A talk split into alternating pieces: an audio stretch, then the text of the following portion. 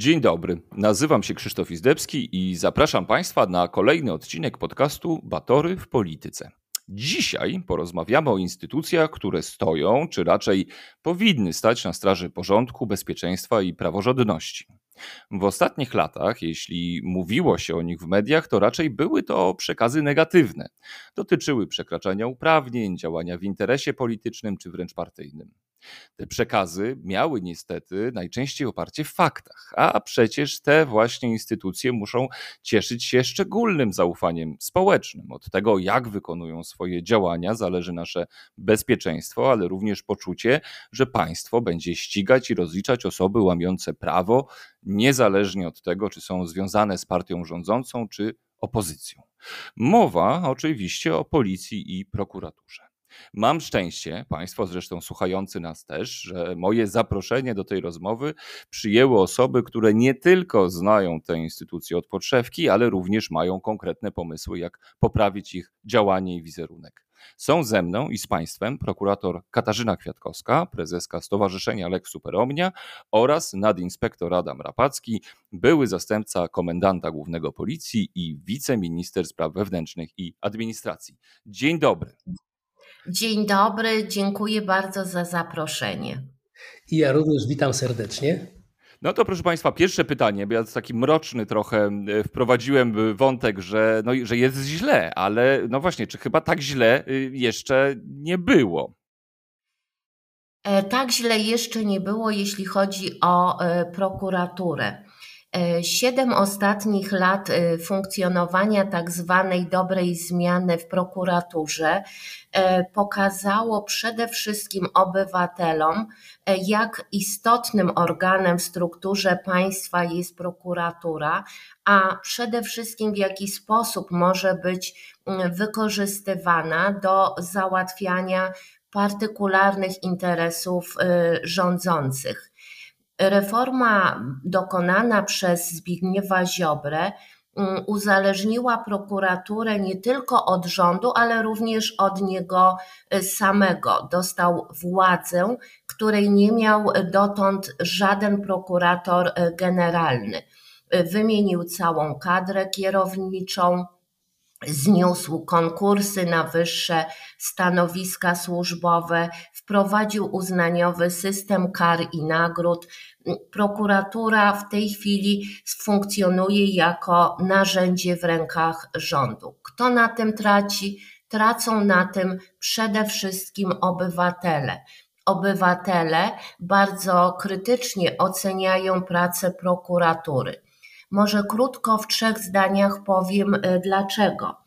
Po pierwsze, w mojej ocenie obywatele mm, zauważyli, że w prokuraturze stosowany jest dyskryminacyjny legalizm polegający na nierównym traktowaniu obywateli wobec prawa widzą, że obywateli, którzy uczestniczyli w obronie wymiaru sprawiedliwości lub w innych formach protestu, są ścigani z wielką determinacją i zaangażowaniem.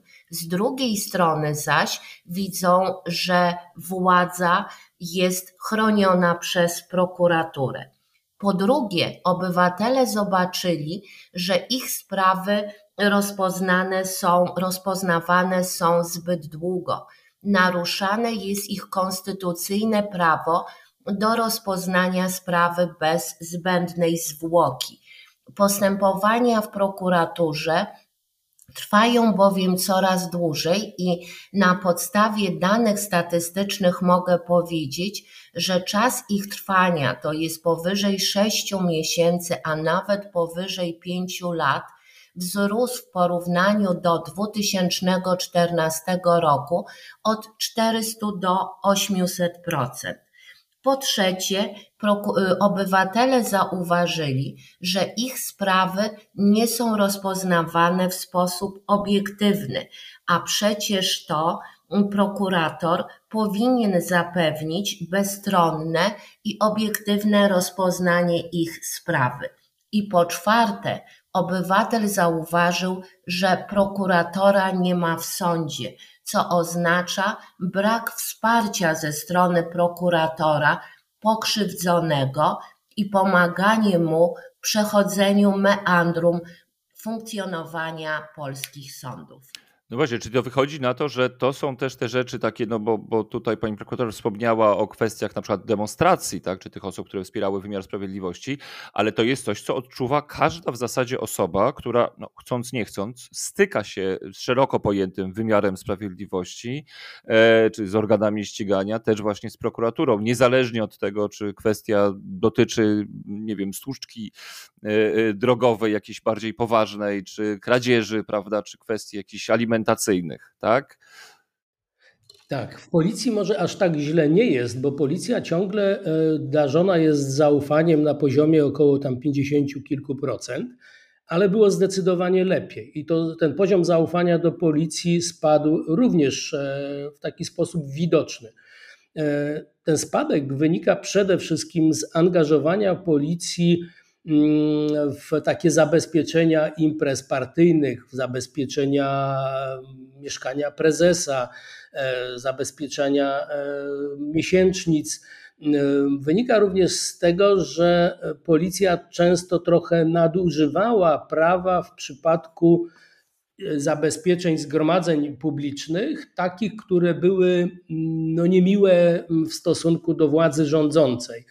E, I tutaj e, widzieliśmy wielokrotnie przypadki używania gazu, e, otaczania takim kordonem protestujących, ograniczania ich wolności i później tłumaczenie policji, że to są działania zgodne z prawem i, i, nie ma tutaj ani do czynienia z zatrzymaniem, ani, ani z innymi środkami. Więc tutaj policja zdecydowanie nadużyła tego zaufania.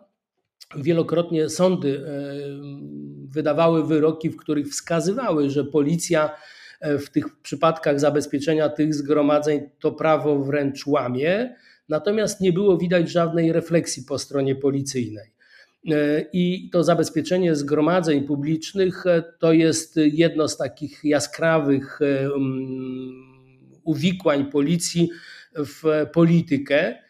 Mm, policja na szczęście nie dała się wmanewrować w e, takie postępowania karne, mm, które, którym można byłoby zarzucić jakiś kontekst polityczny. E, tutaj mm, te poważne ogniwa policyjne typu Centralne Biuro Śledcze Policji e, cały czas robią znakomitą robotę i mają dobre oceny. Policja również, i tutaj wielki błąd policji, zamknęła się w takim własnym e, gronie i, i w ten sposób ograniczyła taką możliwość komunikowania społeczeństwu o swoich problemach, e, o, o mm, sprawach istotnych. Musi się policja otworzyć po raz e, ponowny na, na społeczeństwo, na współpracę ze społeczeństwem, po to, żeby często pokazywać, jak wyglądają kulisy prasy, w czym polegają problemy i, i jasno tłumaczyć te przypadki, gdzie są widoczne jakieś nadużycia. E, bo dzisiaj e, każda interwencja jest e, dokumentowana, filmowana.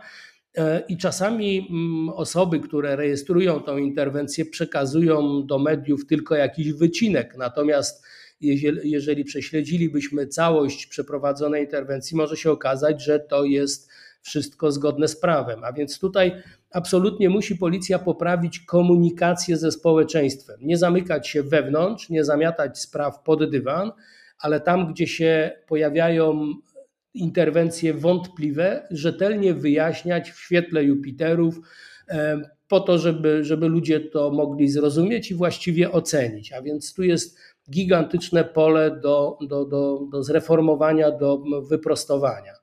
Policję trzeba też przywrócić społeczeństwu. Ona musi w sposób zdecydowany mm, bardziej słuchać tego, czego oczekują społeczności lokalne od policji. I tutaj myślę o, o przemodelowaniu tych kryteriów ocennych pracy policji, nie takich, gdzie sobie sama policja narzuca pewne kryteria, a bardziej e, dać możliwości społecznościom lokalnym, samorządom stawiania pewnych priorytetów przed policją i możliwości rozliczania policji z realizacji tych priorytetów. To na pewno przybliży policję do ludzi i będzie ona też i lepiej postrzegana w e, dalszej perspektywie. E, to ja, panie generale, jeszcze potem oczywiście ja dopytam o tych pomysłach, bo wiem, że e, jest też ich więcej, ale e, no, też pewnie słuchacze, słuchaczki, którzy właśnie są, są z nami i, i e, słyszą, co, co, co państwo mówią, też sobie no, przypominają, że przed 2015 rokiem tych takich problemów w policji też było dużo. Tu mam na myśli chociażby no, kwestię takiego nadużywania. No to wiem, wiem, że oczywiście, że to były przypadki ekstremalne czy, czy jednostkowe, ale jednak też najgłośniejsze i nie powinny się oczywiście zdarzać, czyli na przykład zachowanie na komisariatach, e, e, no też różne drastyczne, prawda, przypadki.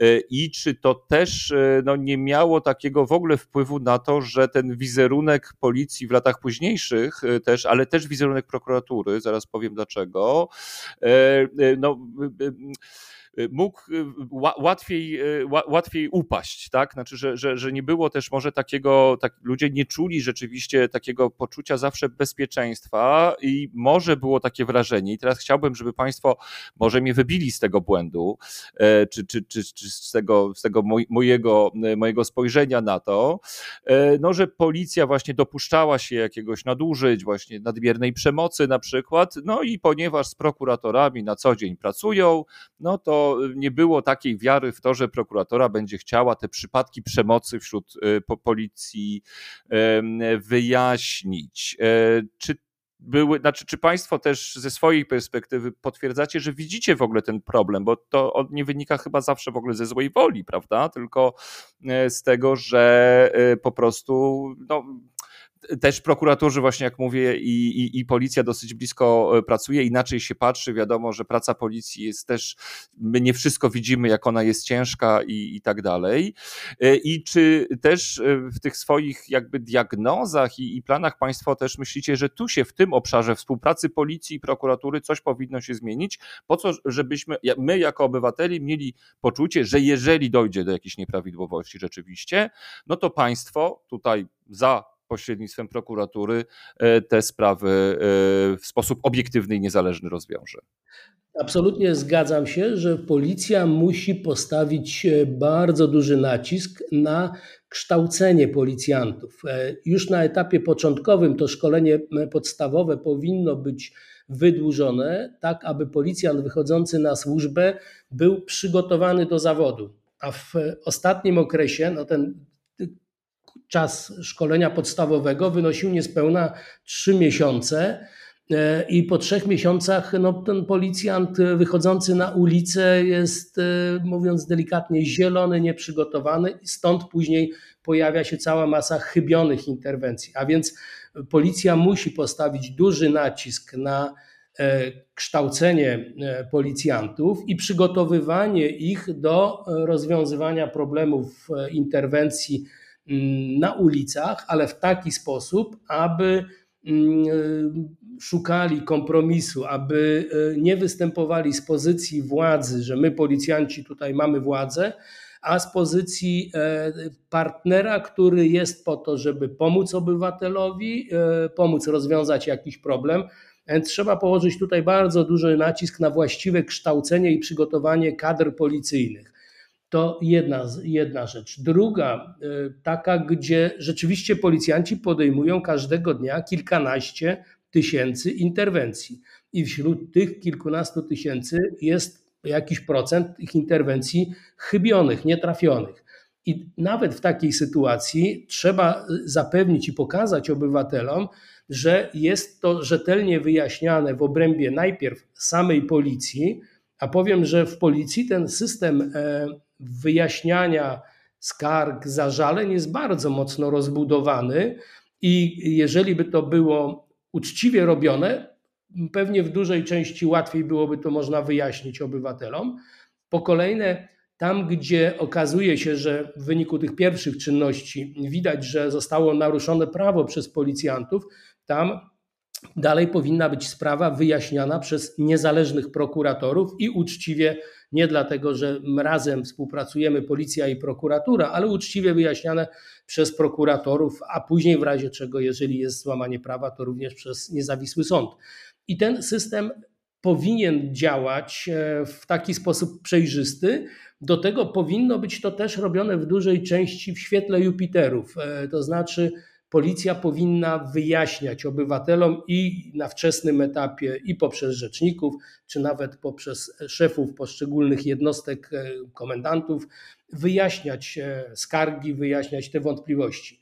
Ten proces wyjaśniania rzetelnego został zatarty E, zaniechano e, takich działań. No powiem tak, ja będąc czy kiedyś komendantem wojewódzkim, miałem zawsze godziny przyjęć interesantów, gdzie każdy z ulicy miał prawo wejść, przyjść ze swoimi problemami. Nawet będąc wiceministrem, przyjmowałem ludzi z ulicy, były wyznaczone godziny, kiedy do mnie można było przyjść, bezpośrednio dostać się i zgłaszać swoje problemy, i dokładałem należytych starań, żeby rzeczywiście one były wyjaśnione.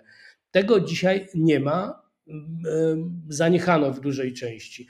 E, to trzeba przywrócić. To, to muszą obywatele wiedzieć, że nawet e, te interwencje prowadzone w taki sposób, no nie do końca jasny, czy trochę chybiony, że będzie to rzetelnie wyjaśnione i to trzeba pokazać ludziom po to, żeby nabrali tego zaufania, bo incydenty będą się zdarzały. To jest, mówię, prawo wielkich liczb tylko problem, żebyśmy rzetelnie to wyjaśniali, a jeżeli gdzieś zostało złamane prawo, to y, no, musi to być wyjaśnione i wtedy winę również muszą ponieść ci, którzy e, to prawo złamali.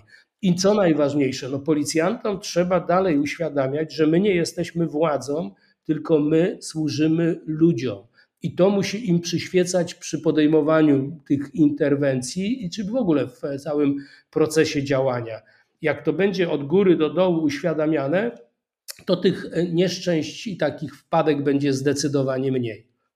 E, pani prokurator, teraz się do, zwracam do e, Katarzyny Kwiatkowskiej. E, czy prokuratura tutaj też musiałaby poprawić w tym obszarze swoje działanie, żeby budować właśnie to poczucie, też przy rozliczaniu właśnie tych nieprawidłowości, które występują w policji?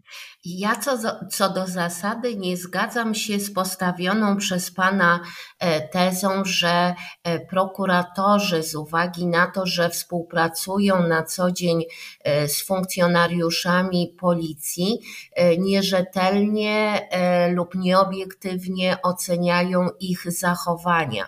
E, uważam, a mam tutaj pewne doświadczenie, że prokuratorzy, ci, którzy są niezależni, robią to naprawdę w sposób obiektywny i rzetelny. To, co powiedział pan generał, brakuje u nas pewnej transparentności i właściwego komunikowania się z obywatelami za pośrednictwem mediów. Były sprawy, które budziły poważne wątpliwości i zastrzeżenia opinii publicznej, natomiast prokuratura milczała. Wtedy też obywatele mają prawo podejrzewać, że skoro prokuratura nic na ten temat nie mówi, to znaczy, że być może, przepraszam za kolokwializm, skręca sprawę. W naszym interesie jest również to, aby na ulicach w prewencji brali udział funkcjonariusze policji, którzy nie stosują drastycznych metod, a jeżeli tacy są, powinni być pociągnięci do odpowiedzialności karnej i po prostu wydaleni ze służby policyjnej. Dla prokuratorów również ważne jest to, zapewne o tym będzie okazja później powiedzieć, aby policja zdecydowała się wreszcie na stworzenie profesjonalnej służby kryminalno-dochodzeniowej. E, w tej chwili w tych służbach pracują często ludzie przypadkowi. Odeszli starsi, doświadczeni funkcjonariusze policji, natomiast osoby, policjanci, którzy są odpowiedzialni za prowadzenie spraw zwykłych obywateli, w mojej ocenie nie są przygotowani do prowadzenia tych spraw. Efektem tego jest ich długotrwałość i oczekiwanie przez obywateli coraz dłużej na rozpoznanie ich sprawy. O, to dziękuję, bo już nam się y, pojawiają e, też pomysły zmiany y, i widać, że to, co Państwo też w Lex Superomnia i w ogóle też pani, pani prezes e, nie ma myśli, czy, czy ma refleksję na temat, właśnie uwzględnia również tą współpracę e, z policją, to zaraz wrócimy, jakie są pomysły też na zmiany w prokuraturze, ale już jak pani wywołała też trochę pana generała niejako, e, no, mówiąc też, co dobrze by było, żeby się zmieniło w policji, to spytam się pana generała, czy to dobra diagnoza e, i e, jakie inne jeszcze pomysły są pana środowisku, jakie rezonują, w jakim kierunku ta reforma policji powinna zmierzać. Niestety ta diagnoza jest dobra, bo rzeczywiście w policji mm, mamy bardzo duży odpływ kadr i brakuje doświadczonych policjantów i to w zakresie służb prewencyjnych, a jeszcze więcej, większe braki występują w służbach kryminalnych. I po części to też jest e, wina e, no, aktualnie rządzących, bo kilka lat temu jeszcze udało się wypracować takie rozwiązanie, żeby odejść na emeryturę, to funkcjonariusz musiał mieć e, minimum 25 lat wysługi i 55 lat wieku. Populistyczna władza mm, odpuściła ten wiek, więc dzisiaj mm, mogą odchodzić młodzi policjanci na emeryturę, czy w ogóle młodzi funkcjonariusze na emeryturę, i stąd takie duże braki kadrowe. W tej chwili w policji brakuje ponad 12 tysięcy policjantów. To już jest i grozi nam no, pewną zapaścią, a należy się spodziewać, że na początku roku odejdzie kolejnych e, kilka tysięcy i to już będzie gigantyczny problem dla policji. E, pozostaje mm, teraz, jak szybko uzupełnić e, te braki kadrowe i jak e, maksymalnie sprawnie przygotować ludzi do zawodu, bo tu będzie no, spory problem, bo ośrodki szkoleniowe policyjne mają ograniczone możliwości przerobowe.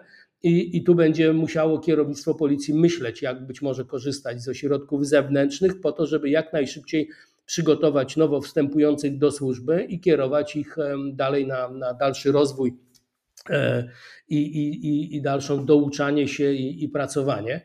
I, I, tu rzeczywiście mogą się pojawić spore problemy. Dlatego też w policji trzeba będzie myśleć o pewnym uelastycznieniu e, zatrudnienia uelastycznieniu to myślę o e, jak gdyby szybszym przyjmowaniu, ułatwieniu możliwości powrotu do służby tych, którzy odeszli, a chcą wrócić i służyć. Być może jakaś ilość doświadczonych policjantów by chciała wrócić do służby, więc warto to im ułatwić, a nie blokować. E, e, I, i wtedy no, trzeba znaleźć i wygenerować odpowiednią ilość policjantów do tego, żeby była w stanie jak gdyby w sposób płynny przerabiać to, co się dzieje w tej przestrzeni publicznej.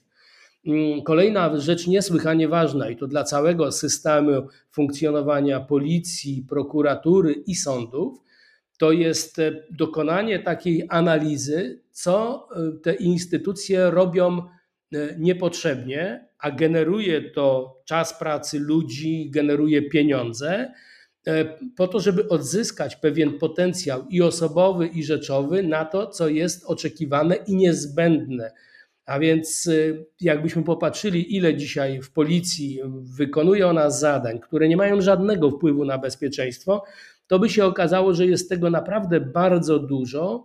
E, I, I, robimy to, bo ktoś kiedyś wymyślił, wprowadzono jakiś zapis prawny, jakieś wewnętrzne instrukcje, które wydłużają czas pracy policjantów, a, a, a nie prowadzą do konkretnego celu. A więc trzeba odbiurokratyzować te wszystkie instytucje po to, żeby można było trochę odzyskać czasu pracy ludzi i sił na, na to, co jest rzeczywiście niezbędne. I tu trzeba popatrzeć szerzej również na mm, pewne uproszczenia, chociażby no, niewykorzystywana jest mediacja.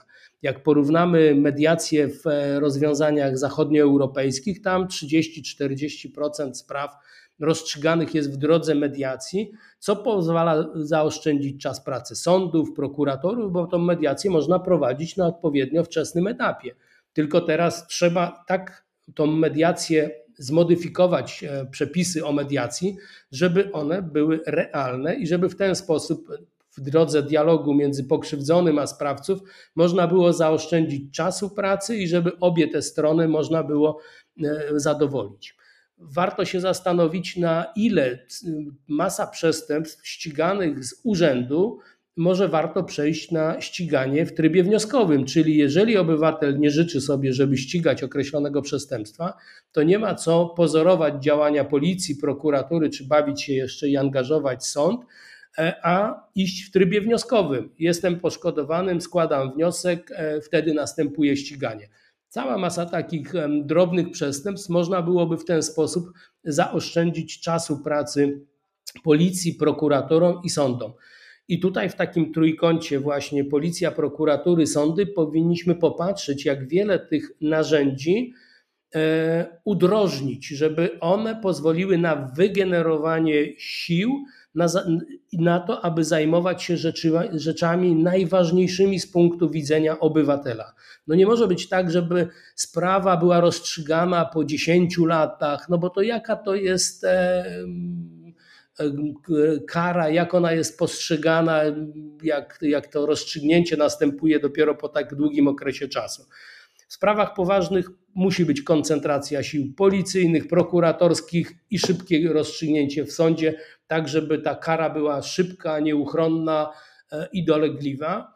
E, no i tu też z dolegliwością to następny obszar, który absolutnie wymaga reformy, to polityka karna, której w Polsce nie ma, bo pan, ostatni minister sprawiedliwości, jedyne panaceum na uzdrowienie w prawie to podnosił sankcje karne, e, co jest znowu wielkim absurdem, gdzie wsadza się i skazuje na wielokrotnie kary pozbawienia wolności ludzi, którzy e, nie są niebezpieczni dla społeczeństwa, powinni odpracowywać to, co zawłaszczyli, ukradli, a my ich wsadzamy i, i oni siedzą na koszt podatnika długie, długie lata. A więc tutaj absolutnie trzeba będzie zbudować mądrą politykę karną i stosować tą mądrą politykę, mądrą politykę karną.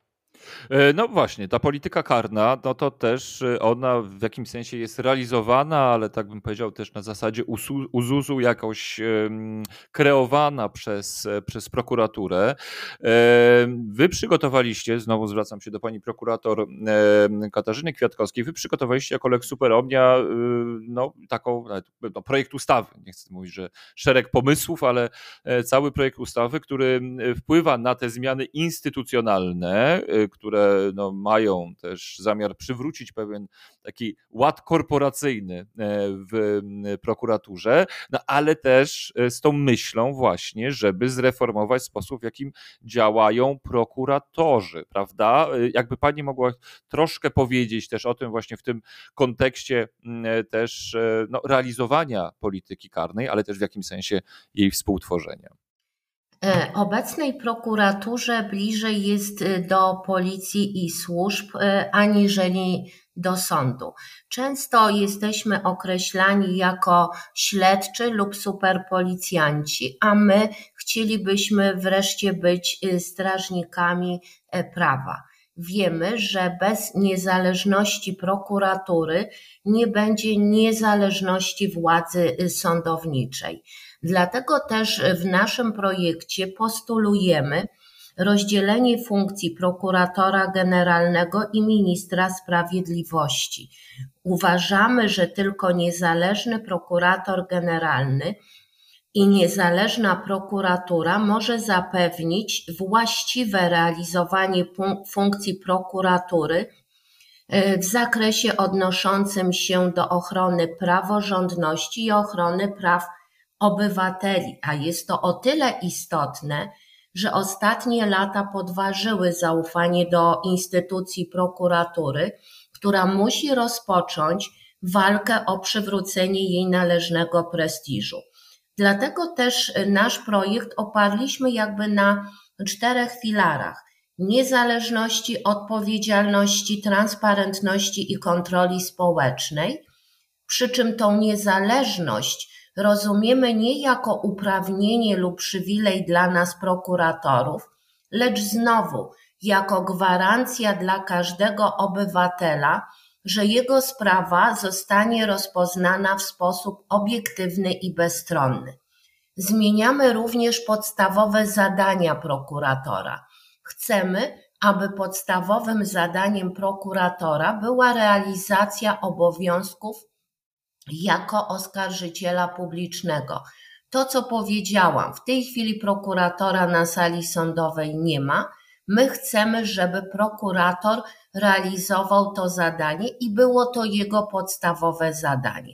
Konsekwencją tego będzie jakby przeniesienie części obowiązków na policję w sprawach, które były prowadzone w formie dochodzenia.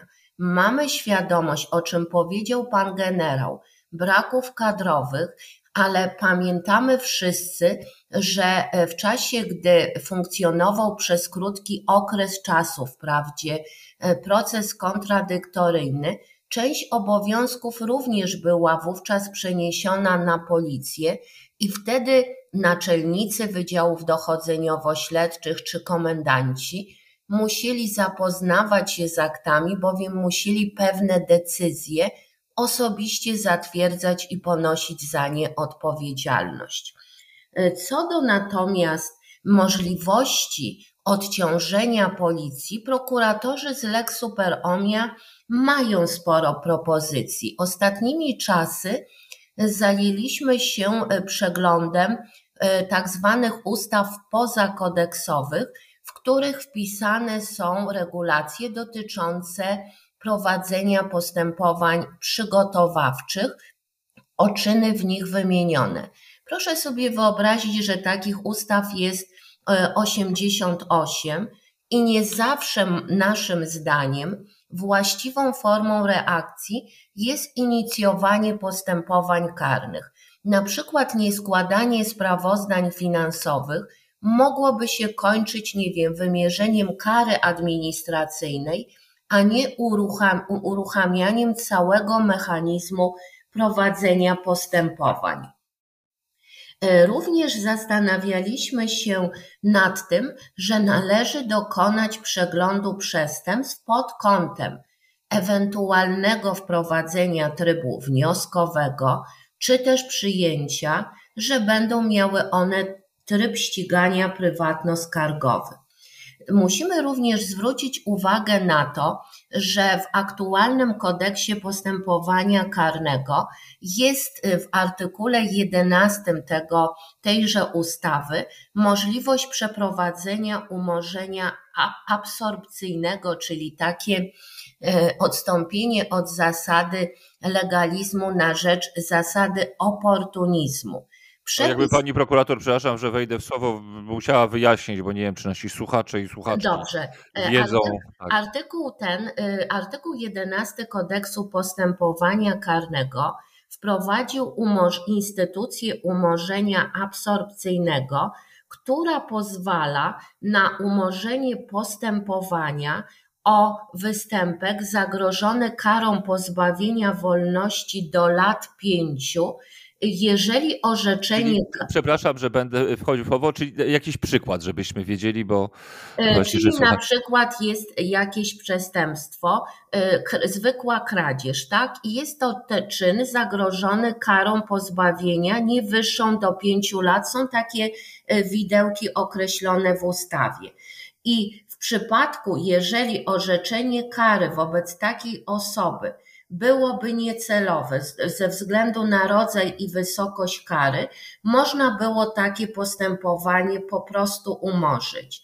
My zastanawiamy się, czy tej instytucji nie rozbudować, to znaczy, czy prokurator nie mógłby umarzać postępowania w przypadku ustalenia sprawcy, jeżeli prowadzenie postępowania lub orzeczenie wobec dotychczas niekaranego sprawcy byłoby niecelowe ze względu na przykład na to, że e, naprawił szkodę w całości. Możemy rozważać, bo często w sprawach gospodarczych mamy w piramidach finansowych, czy mieliśmy Amber Gold, w których jest kilkadziesiąt tysięcy pokrzywdzonych.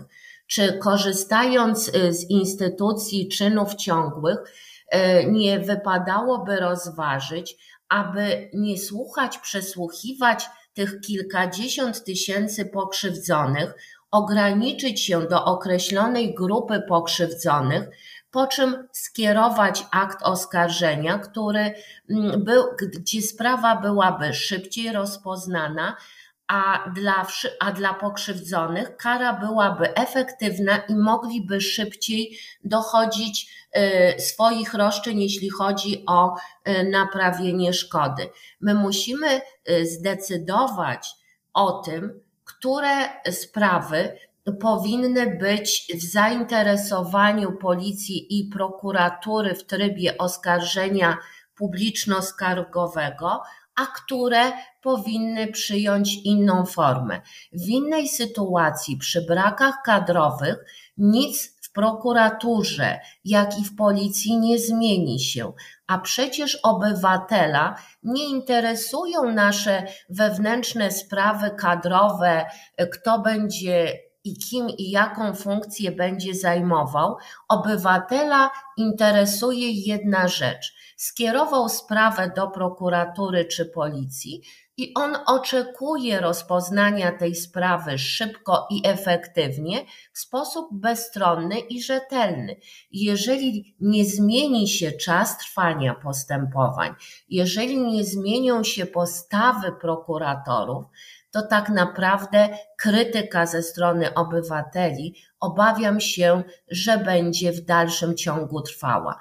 Powinniśmy wspólnie, prokuratorzy, sędziowie i policjanci, usiąść do wspólnego stołu i rozpocząć dyskusję na ten temat, a następnie wspólnie proponować przed polskim parlamentem czy komisjami, y, różnego rodzaju powołanymi komisjami, nasze propozycje, które usprawniłyby procedury, a tym samym pozwoliłyby obywatelom na skuteczne dochodzenie ich praw i roszczeń.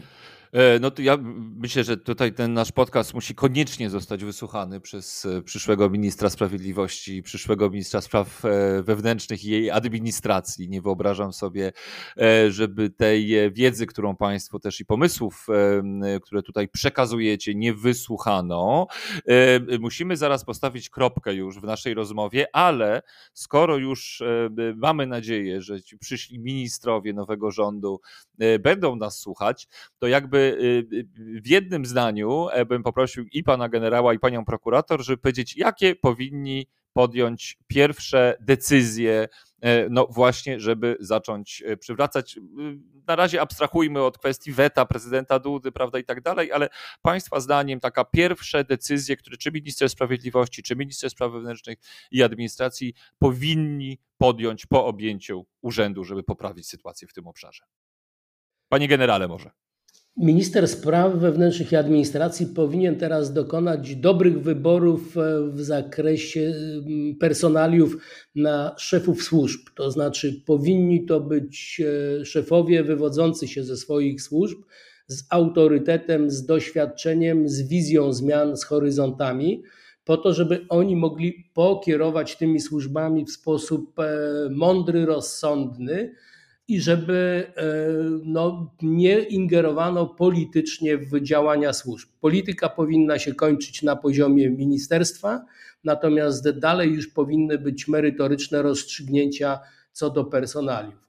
Dalej trzeba popatrzeć, jak e, przywrócić policję społeczeństwu, to znaczy jak policja ma zaspokajać lepiej oczekiwania społeczne i tutaj też ważna rzecz i po stronie policji, prokuratury, że trzeba skończyć ze fikcyjną statystyką, kreatywną statystyką i byle jakimi miernikami ocen, bo często mierniki ocen wprowadzane w prokuraturze czy w policji prowadzą do patologii, a nie do tego, czego oczekują obywatele.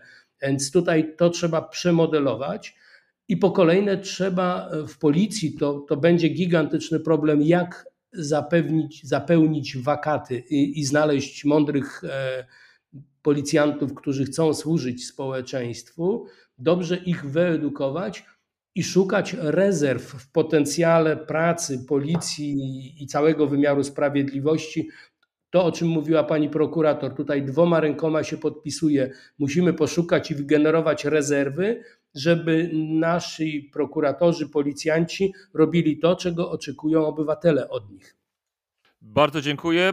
E, Katarzyna Kwiatkowska, prezeska Lex Superomnia. E, jaki e, pierwsza decyzja, pierwsze dwie decyzje ministra sprawiedliwości pewnie? Prawda? W prokuraturze jest problem, bowiem obowiązuje niestety nowelizacja mająca na celu zabetonowanie prokuratury. Jednakże naszym zdaniem, aby mógł nowy prokurator generalny rozpocząć E, działania w prokuraturze niestety musi podjąć bardzo e, poważne decyzje mające na celu przejęcie kierowania prokuraturą. E, następne pierwsze działania to przede wszystkim postawienie na wiedzę na kompetentnych, doświadczonych e, prokuratorów, którzy stanęliby na czele e, poszczególnych jednostek, a następnie e, rozpoczęli, rozpoczęli przygotowywanie kadr, prowadzenie postępowań przygotowawczych, rozliczanie wielu afer, do czego, obywat, czego obywatele od nas oczekują. Mogą to jednak zrobić prokuratorzy, y, którzy y, są niezależni, którzy nie będą podlegali naciskom i ingerencjom zewnętrznym. Wiemy i byśmy tego chcieli, żeby ustawa się zmieniła i żeby ten nasz projekt był przedmiotem dalszych prac, natomiast wiemy, że na początku trzeba przede wszystkim y, przywrócić niezależność wiedzę i kompetencje w prokuraturze. Mamy świadomość tego, że do prokuratury powinien wrócić profesjonalizm i odpowiedzialność, bowiem prokuraturę tworzą ludzie i to od ich charakteru, odwagi i determinacji będzie w przyszłości zależał wizerunek i prestiż prokuratury mm, w społeczeństwie.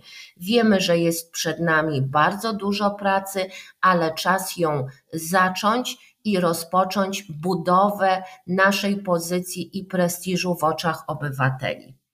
O, i to jest fantastyczne podsumowanie. Ja ze swojej czy z naszej strony obiecuję, że do Państwa wrócę za kilka miesięcy, żeby ocenić, e, czy rzeczywiście zmierzamy już w tym kierunku i Państwo e, równie z optymizmem patrzą na e, te zmiany, które są wprowadzane. Bardzo, bardzo dziękuję. Moimi Państwa gośćmi byli pani prokurator Katarzyna Kwiatkowska, prezeska Stowarzyszenia Lex Superomnia oraz nadinspektor Adam Rapalski, były zastępca komendanta głównego policji i wiceminister minister spraw wewnętrznych i administracji. Bardzo Państwu dziękuję. Dziękujemy, dziękuję, dziękuję bardzo za zaproszenie. Dziękujemy bardzo.